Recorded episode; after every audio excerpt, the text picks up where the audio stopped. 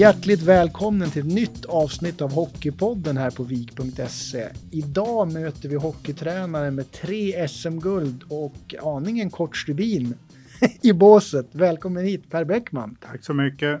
Hur mår du nu för tiden? Vad har du för glad pensionärsliv? Ja, nu har det ju varit några tuffa tider här med corona naturligtvis, men jag har fått mina bägge sprutor så nu känns det ganska bra faktiskt och det är väl på bättringsvägen över hela landet. Men en aktiv roll inom hockeyn har du inte haft sedan du stod i båset i Modo, eller hur? Ja, du tänker Tänkte på sista, sista, sväng, sista, sista ja, det var, tio, var det 12 dagar det? Ja. Nej, nej, det har varit lugnt sedan dess. Ja. Men, men var det också slutet på kapitlet för dig på tränarbänken? Ja, det var det. Så att det, det, var aldrig någon chans att nej, jag kan väl smyga ner någon mer gång, utan du kände att det där var sista? Ja, det var jag satt mest i en buss de där tio dagarna tyckte jag. Det var lite jobbigt i den här åldern. Men vad var det som gjorde att du verkligen hoppade på det en sista gång då? Man har väl en viss känsla fortfarande för Modo där jag var i fyra år då. När de ringde och hörde av så. De trodde att man kunde göra något vettigt av den där svåra situationen. Det är klart, då får man ju ställa upp. Men om vi ska summera då din tid som hockeytränare så tänkte jag att vi skulle fokusera lite mer på de här åren med VIK. Men om mm. vi backar tillbaka bandet, vad är din första kontakt med VIK? För du har ju en spelarkarriär bakom dig också. När var det första gången du mötte, träffade på Västerås IK? Det var när jag var 16 år. Då skulle jag in hit och provspela. Desmond Roney var tränare. Och det var någonting som heter Hörn Cup som var otroligt stort på den tiden. Det var ju ryska och kanadensiska lag. Och bra svenska lag också då. Och då skulle jag visa upp mig då. då. Det var inte så vanligt att de från Sura gick till Vik. Det var ju nästan förbjudet.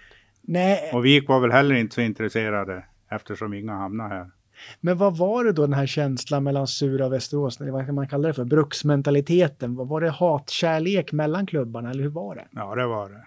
Så... Ja, lilla bruket mot märkvärdiga stanarna då vet men, men, var det aldrig aktuellt då? Du sa att du var på en tryout, men det var aldrig aktuellt senare heller under karriären Nej, att spela i Vik? ingen som hörde av sig så det blev Färjestad istället. Okej. Okay. Men sen då om vi hoppar fram ett steg till då när det är aktuellt med tränaryrket då och du har varit i Färjestad, du har varit i Malmö och Modo och så vidare.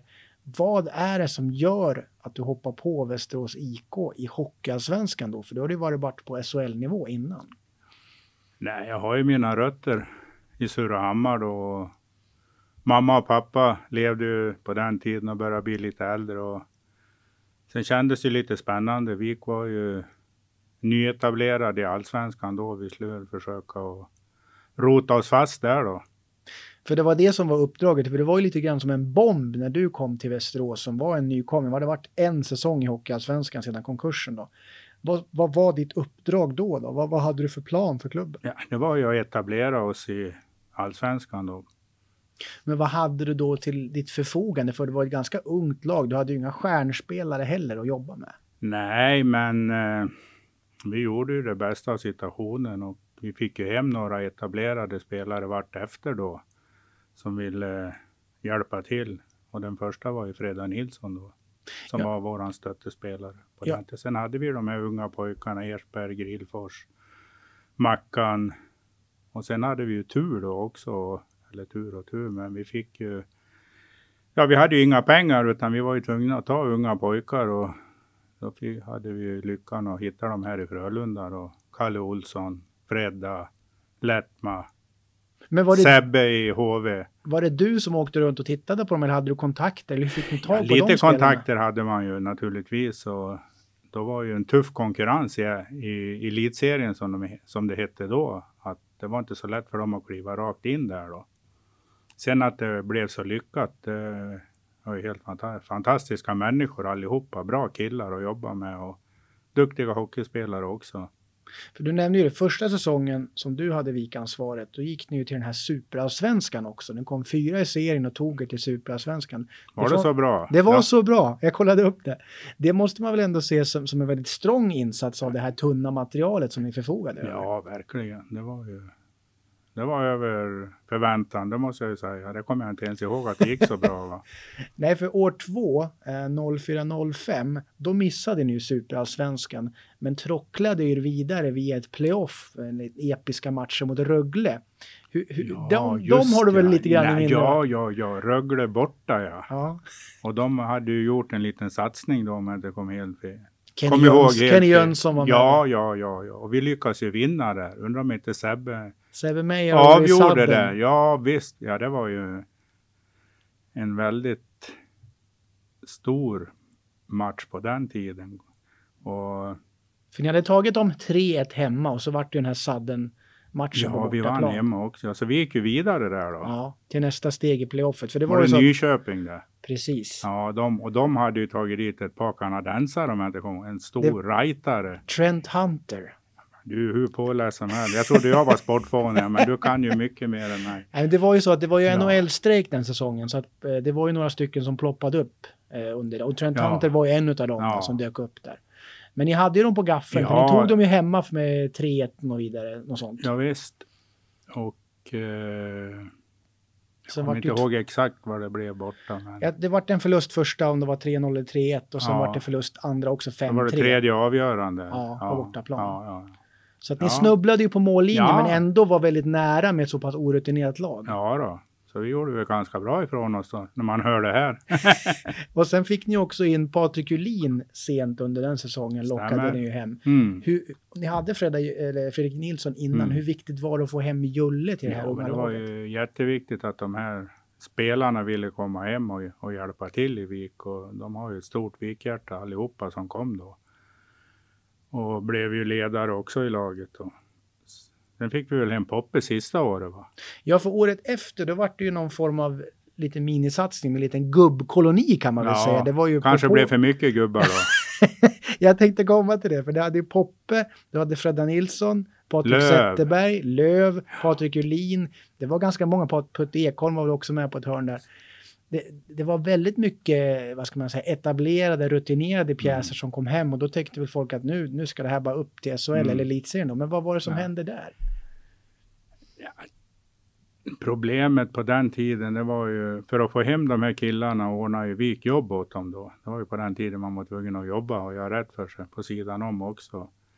Och det var väl inte så lätt att, ja vi tränar ju fortfarande runt halv sex, halv sju då. De kom direkt från jobb och sen på träning då. Så det var väl inga optimala förberedelser. Sen, sen Zäta, han kunde ju bara vara med några, en kort period där om jag inte kommer ihåg fel. Men det var som sagt, det var ju väldigt mycket hås kring Ja, laget. det är och, klart. Det var ju etablerade namn då. Och jag kommer ihåg att din frustration över målskyttet var ganska påtaglig. Du, du satt och var irriterad över att pucken kan inte gå som ett snöre hela tiden, utan man måste lära sig att det... Vi kanske ville vara lite Barcelona då, fast vi inte hade den kapaciteten. Kan titta på Frölunda eller vilka lag som helst. Inte fan åker de upp till Mora eller spelar hemma mot Mora och, och spelar ut dem. Det gör de inte. Utan de vill ju få gedigen ishockey. Och det måste vi lära oss och förstå. Och inte bli, bli ledsna om inte pucken går på ett snöre hela tiden. Så fungerar inte dagens hockey. För det var ju säsongen 05-06, laget missade ju till och med slutspelet Mm, den säsongen. Och hur tungt var det då som etablerad tränare och Nej, liksom känna det där? Det är väl klart att om man ser de där säsongerna innan då, där man inte har så etablerat lag på pappret då. Va? Ja, vi såg ju matchen igår här i Sverige. det, går, det behöver ju inte alltid gå som man har tänkt sig. Och Det- sen kan det väl bli IFK Göteborg är en bra jämförelse. De tar ju hem alla som är 34 år nu och tror att det ska bli bra då. Så det kanske blev någon lite för mycket. Apropå matchen, Som inte orkar träna och allt det här då, som man måste göra. apropå matchen mot Spanien så kändes det som att Sverige var Arboga och Spanien var Vik i det fallet. Det var lite så. Ungefär bra. Jättebra jämförelse. Står och knackar på men det blir Ja. ändå 0-0 eller 1-1. Men med den sång, säsongen till handlingarna så kommer det ju en säsong efteråt. Du får en ny tränarkollega. Eh, Johan Thornberg kommer in och ni skalar väl bort lite grann av det här pensionärsstämpeln kanske Ja. på klubben då. Eh, men upplägget för de som inte kommer ihåg var ju så här. Du hade ju ett kontrakt med Vik. Du skulle fullfölja med tränare och så skulle du lämna över till Johan Thornberg och så skulle du själv bli sportchef. Men det blev inte så. Nej, det blev Frölunda istället. Och hur kommer det sig? Hur kom den? Nej, jag kände väl då under säsongen att i och med att Tornberg skulle ta över nästa år så var han väl väldigt sugen att ta över på en gång. Så, så det var han som puttade ut den menar du? Nej, det säger jag inte med. Man har väl en känsla om man säger så då. Ja. Och i och med att han skulle göra det och jag fick en förfrågan från Frölunda, de låg ju sist då i elitserien, så kändes ju det väldigt spännande. Så jag frågade i föreningen då. Jag stack ju inte bara, utan jag frågade om jag fick göra det. Och då fick jag det. Men då valde du då på, ska man säga, den här lilla tryggheten då, att kunna ta en sportchefsroll och trappa ner till att hoppa rakt in i hetluften mm. istället. Var, var det svårt val för dig? Inte så här i efterhand, det ångrar jag inte den, det minsta. I och med att jag förstår hur svårt det är att vara sportchef. Det är inget jobb man gör över tre, fyra timmar, utan då måste man vara på hugget dygnet om och året om. För sen har du ju inte blivit sportchef. Det närmaste kan man ju kalla landslagstränare väl slash sportchef på ett sätt. Man har Lite mycket hand om så. spelare så också. Men, men du har aldrig varit sugen på att hoppa på den rollen, inte senare i VIK heller? Nej, det blir bara svårare för varje år. Det är... I och med att det är så ont om spelare. Mm. Det, det är skillnad då, ja, som när jag var här i Viktor, vi kunde hämta fyra fantastiska juniorer och kliva rakt in här och göra så enkelt är det ju inte idag. De finns ju inte heller. Va? Så Nej. det är ett väldigt tufft jobb. Men sagan mellan dig och Vik var ju inte slut när du lämnade för Frölunda, för du kom ju tillbaka säsongen 14-15 när klubben satsade mot SHL. Den skulle utökas med två platser. Det var all in för klubben. Men då fick ju du ett samtal om det var november, oktober, december någonstans där kring att komma in som någon slags bollplank och rådgivare till, till klubben. Hur, hur kom den? Hur kom det sig? Mm. Nej, men det hade väl gått lite tungt och Som du säger så var det en stor satsning på gång då. Det kändes ju lite spännande att vara med. Det var ju lite lagom att sitta och se träningar och sitta och se matcherna då på läktaren. Och det var ju fantastiskt nära alltså. Det var ju jag fattar fortfarande inte. Det var ju Patrik Hjelberg som stod i Karlskrona. Jag har haft han i danska landslaget i många år. Och han, helt okej okay målvakt.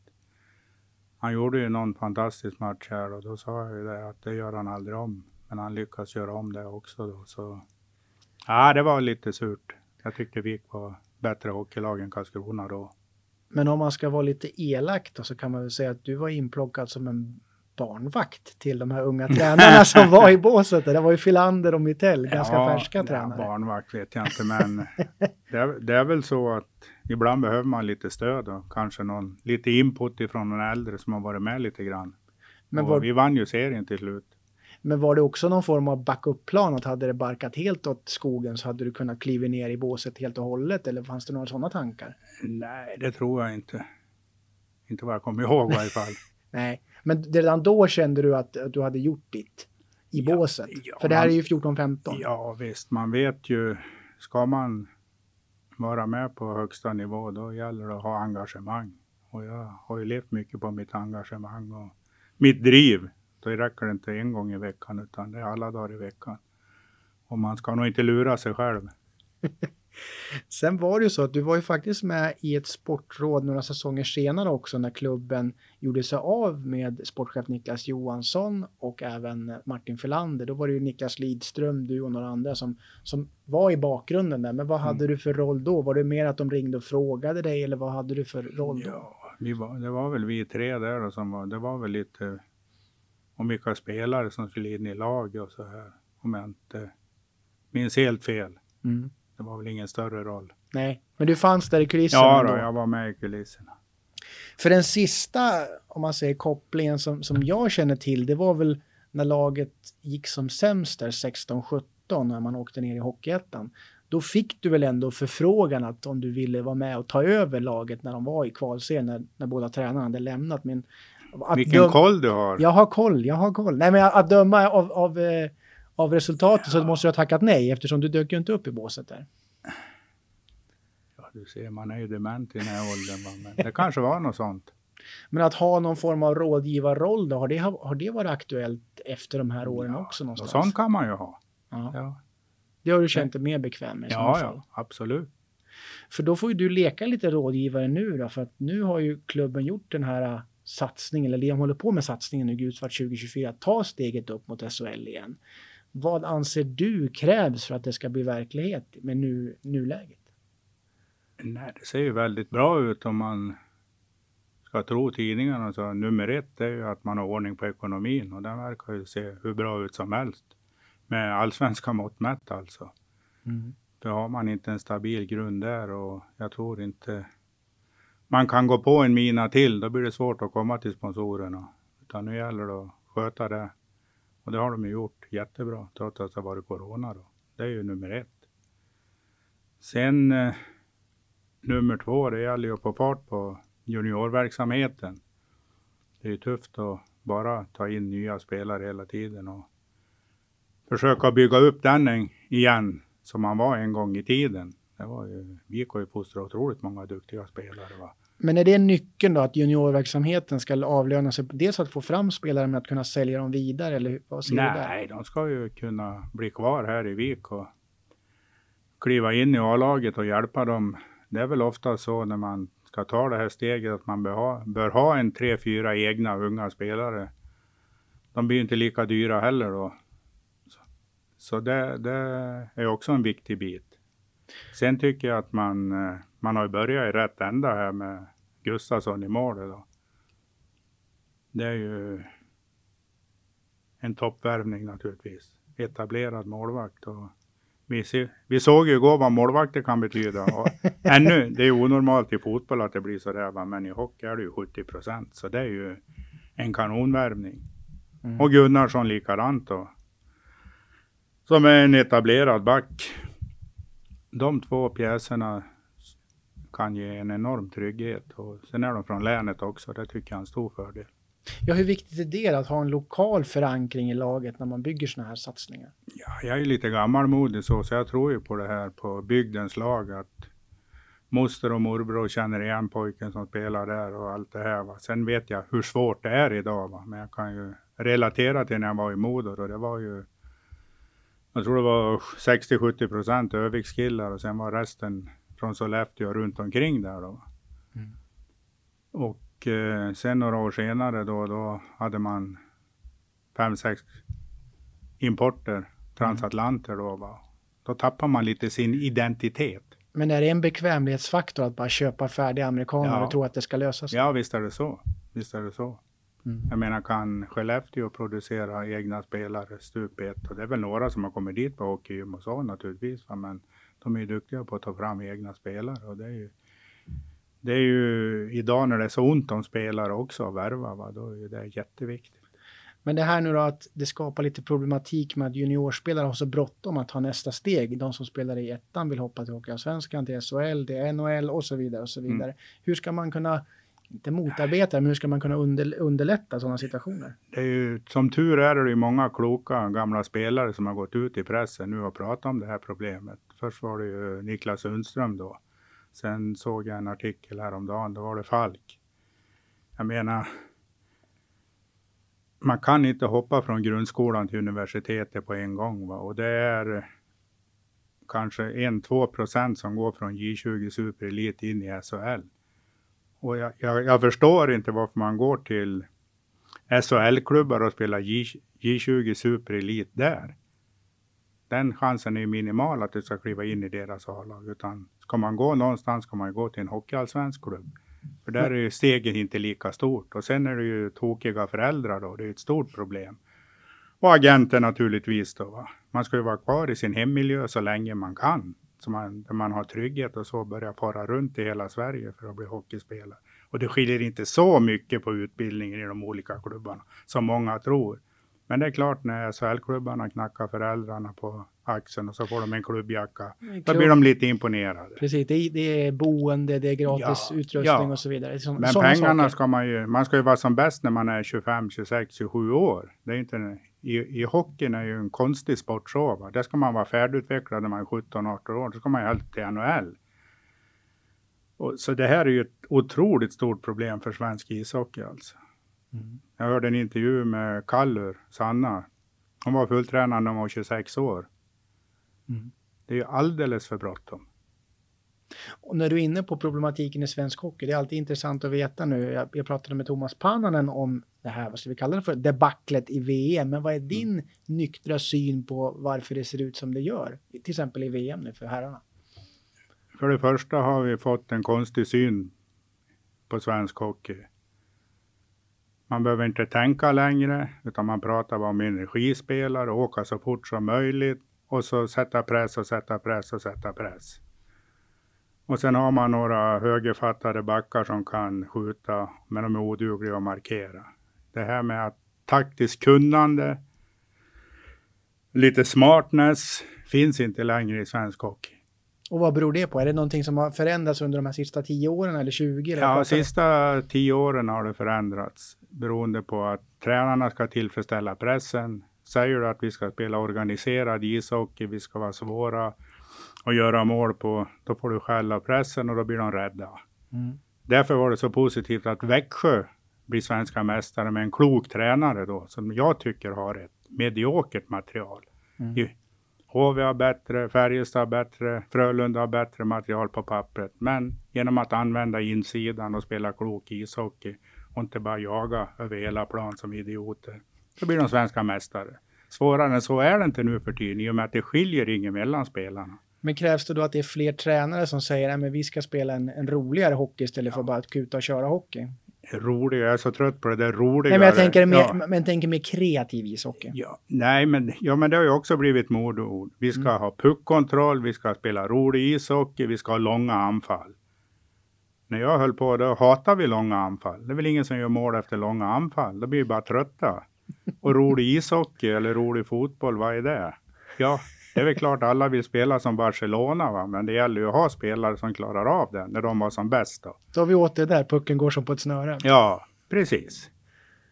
Så det är det som... Det var, det var ju, det, men det syntes ju i VM här alltså. Det, Finland två år i rad och kommer dit med ett ja, okej okay lag, men mm. i stort sett bara inhemska spelare. Men har en tränare som kan styra upp det och alla rättar sig efter det. Final i år, guld år innan.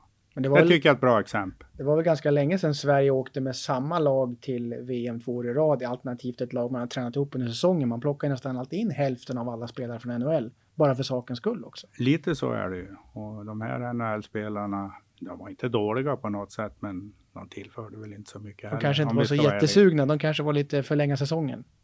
Lite så kan det också vara. Och det är ju VM i hockey, det är ju ingen status längre. Nej, tyvärr.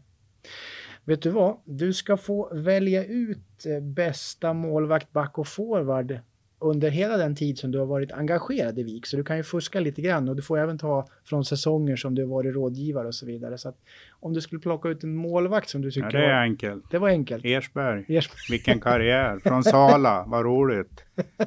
Kommer från Sala som inte har någon hockeyanknytning nästan. Och han var ju, man såg hade talang och så, men jag kunde inte drömma om att han skulle hamna i NHL och KHL. Han såg väl ut som ett sugrör när han kom i början. Stämmer.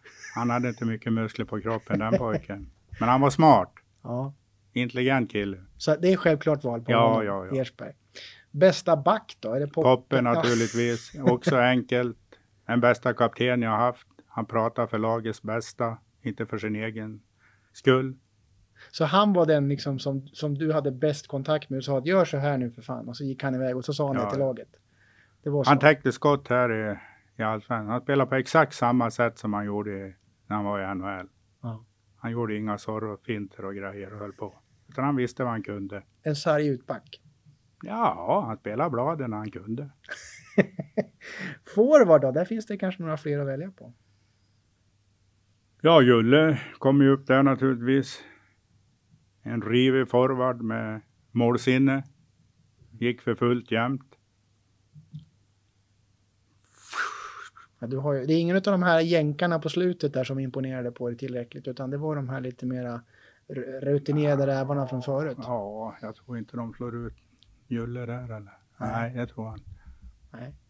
Det är väl de men vilket är ditt roligaste minne då? Är det, är det Rögle-matchen eller vad har du för favoritminne från din biltid? Ja, Rögle-matchen kom, när du tog upp det då, då blev man lite glad inombords. För det, och satt i bussen där och Och på den tiden man fick åka samma dag tror jag. Åkte ner dit, vet du, full hall. Jag tror de kastade kaffe på oss där och de var tokiga. Redan innan matchen? Nej, när vi hade vunnit då. Det var ju lite sensationellt faktiskt. Ja, det är ett roligt minne. Men sen är väl du också en person som tar lite plats, så de hittade väl lätt dig som ett irritationsmoment där? Det gjorde de säkert. Jag var väl för glad då efteråt. Vet